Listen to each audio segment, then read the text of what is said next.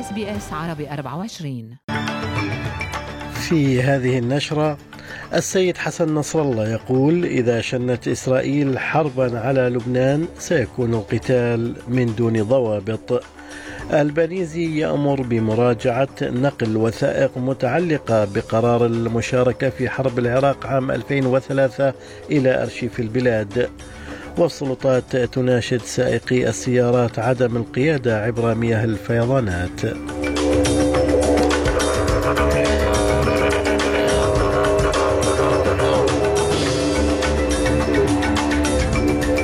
سليم الفهد يحييكم وإليكم التفاصيل. حذر الأمين العام لحزب الله السيد حسن نصر الله إسرائيل من شن حرب على لبنان مؤكدا أن قتال الحزب حينها سيكون بلا ضوابط. وكان السيد نصر الله يتحدث في الذكرى الرابعة لمقتل قائد فيلق القدس الإيراني قاسم سليماني في ضربة أمريكية في بغداد وغداه مقتل القيادي في حماس صالح العاروري في عملية في الضاحية الجنوبية لبيروت. نسبتها السلطات اللبنانية والحركة إلى إسرائيل. وقال السيد نصر الله في الكلمة التي كانت مقررة مسبقا وبثتها قناة المنار التابعة لحزبه أن القتال يجري حتى الآن بحسابات مضبوطة مشيرا إلى أن الحزب لا يخشى الحرب مع إسرائيل. نحن لسنا خائفين من الحرب ولا نخشاها ولا مترددين لو كنا خايفين كنا وقفنا على الجبهة. ما الأمريكان هددونا. وإجوا الفرنسيين بلغونا رسائل طويلة عريضة. والإنجليز والألمان وما بقي حدا. هل توقفنا؟ هل تراجعنا؟ هل ترددنا أبدا؟ من يفكر في الحرب معنا بكلمة واحدة سيندم إن شاء الله.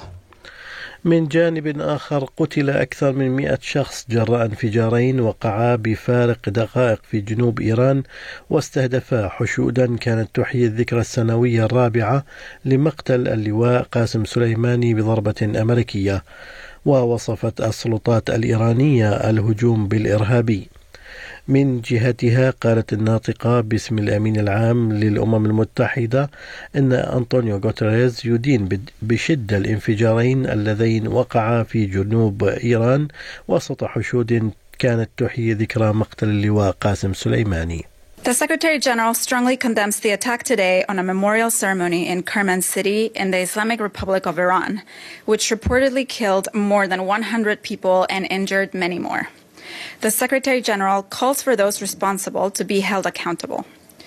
And the Secretary General expresses his deep condolences to the bereaved families and the people and the government of the Islamic Republic of Iran, and he wishes the injured a speedy recovery. دعا الأستراليون من أصول فلسطينية الحكومة الفيدرالية إلى دعم قضية الإبادة الجماعية التي رفعتها جنوب أفريقيا ضد إسرائيل في المحكمة الدولية مع استمرار الحرب في غزة. وكانت أستراليا قد أصدرت في السابق بيانا لدعم قضية أوكرانيا ضد روسيا في المحكمة بعد غزوها وتريد شبكة الدفاع عن فلسطين من الحكومة الفيدرالية أن تفعل الشيء نفسه بالنسبة لغزة. يأتي ذلك بعد أن طلبت جنوب أفريقيا من محكمة العدل الدولية إصدار أمر عاجل يعلن أن إسرائيل تنتهك التزاماتها بموجب اتفاقية الإبادة الجماعية لعام 1948 في حملتها ضد حماس في القطاع. هذا ورفضت تل أبيب الاتهامات ووصفتها بأنها لا أساس لها قائلة إنها تصرفت في إطار القانون الدولي بالدفاع عن نفسها ضد الحركة. لكن رئيس المكتب السياسي لحركة حماس إسماعيل هنية يقول إن جنوب أفريقيا فعلت الشيء الصحيح. أحيي مجددا كل المواقف الداعمة والمساندة I applaud all the positions of support and especially here in the state of South Africa which filed a complaint with the International Court of Justice against the occupying state for its crimes against humanity, ethnic cleansing and genocide and we appreciate the political and legal importance of this lawsuit. ونحن نقدر الأهمية السياسية والقانونية في أخبارنا الأسترالية تم تعيين رئيس الأمن الأسترالي السابق دانس ريتشاردسون لقيادة مراجعة تخص نقل وثائق مجلس الوزراء لعام 2003 إلى أرشيف البلاد. ومن المتوقع أن تقدم المراجعة تقريرا خلال الأسبوعين المقبلين حول كيفية فشل الحكومة السابقة بقيادة سكوت مارسون في تسليم 78 ملفا حول قرار حكومة هاورد بالانضمام إلى الغزو الذي قادته الولايات المتحدة للعراق. وتم العثور على الوثائق منذ ذلك الحين وتم تسليمها إلى الأرشيف في حين عزى مكتب رئيس الوزراء ومجلس الوزراء عملية النقل الفاشلة إلى الاضطرابات الوبائية الناجمة عن فيروس كورونا في عام 2020 والإغفالات الإدارية الواضحة. وقال رئيس الوزراء أنتوني ألبانيزي إن الأستراليين لهم الحق في معرفة التفاصيل حول عملية صنع القرار في المشاركة في الحرب في العراق. The National Archives of Australia should release all the documentation uh, that has been provided to them, uh, having account for uh, any national security issues, of course, upon the advice of the national security agencies. But there is no reason why these documentations should be, with the exception of putting people in danger, uh, should be not released in a transparent way. ناشدت السلطات سائقي السيارات عدم قيادة سياراتهم عبر مياه الفيضانات بعد أن قامت السلطات بإنقاذ رجل وكلبه في ريف فيكتوريا. وقالت شرطة فيكتوريا أنه تم إنقاذ الرجل البالغ من العمر 60 عاما من سطح سيارته بعد أن قاد سيارته إلى شارع غمرته المياه في منطقة ودربرن شمال ملبن وقال بن هويسمان من شرطة فيكتوريا أنه كان محظوظا بالنجاة It's extremely close. At uh, one stage there, there's video footage of his vehicle submerged in the water. Uh, he, it, he's up to his chin in uh, in water and sitting on the uh, the uh, driver's door of his car on the windowsill um, before he got up onto the roof. So, uh, extremely close call. بدأت الشرطة وسلطات السلامة التحقيق في حادث تحطم طائرة ركاب وطائرة أصغر منها في مطار طوكيو وسط مخاوف من أنه ربما يكون بسبب الإهمال الفني.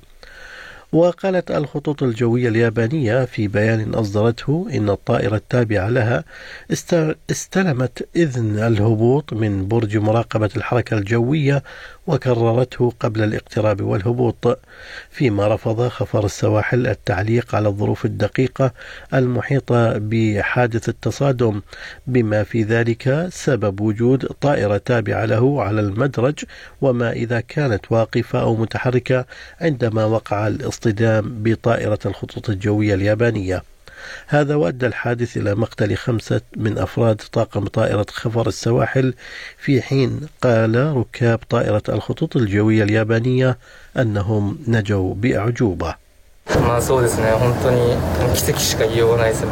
もう少しでもタイミング遅れてたら出る。I can only say it was a miracle. We could have died if we were late evacuating. I want to know why this happened. Also, I don't want to go on planes anymore. في الرياضة مني الصربي نوفاك ديوكوفيتش المصنف أول عالميا في التنس بخسارة صادمة أمام الأسترالي أليكس ديمينور 4-6 و4-6 أمس في المواجهة الأولى بين بلديهما من أصل ثلاث في الدور ربع النهائي لكأس يونايتد بالتنس المقامة حاليا في أستراليا والتي تستمر حتى السابع من الشهر الجاري. في أسعار العملات بلغ سعر صرف الدولار الأسترالي 67 سنتا أمريكيا.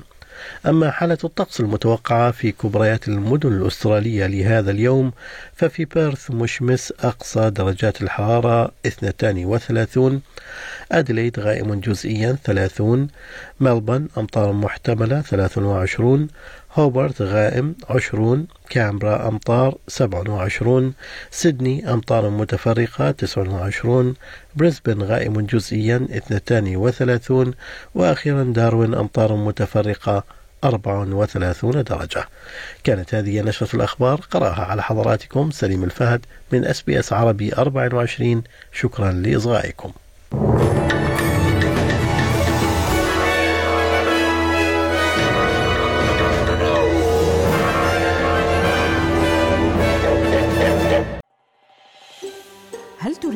تريدون الاستماع إلى المزيد من هذه القصص؟ استمعوا من خلال Apple Podcasts، Google Podcasts، Spotify أو من أينما تحصلون على البودكاست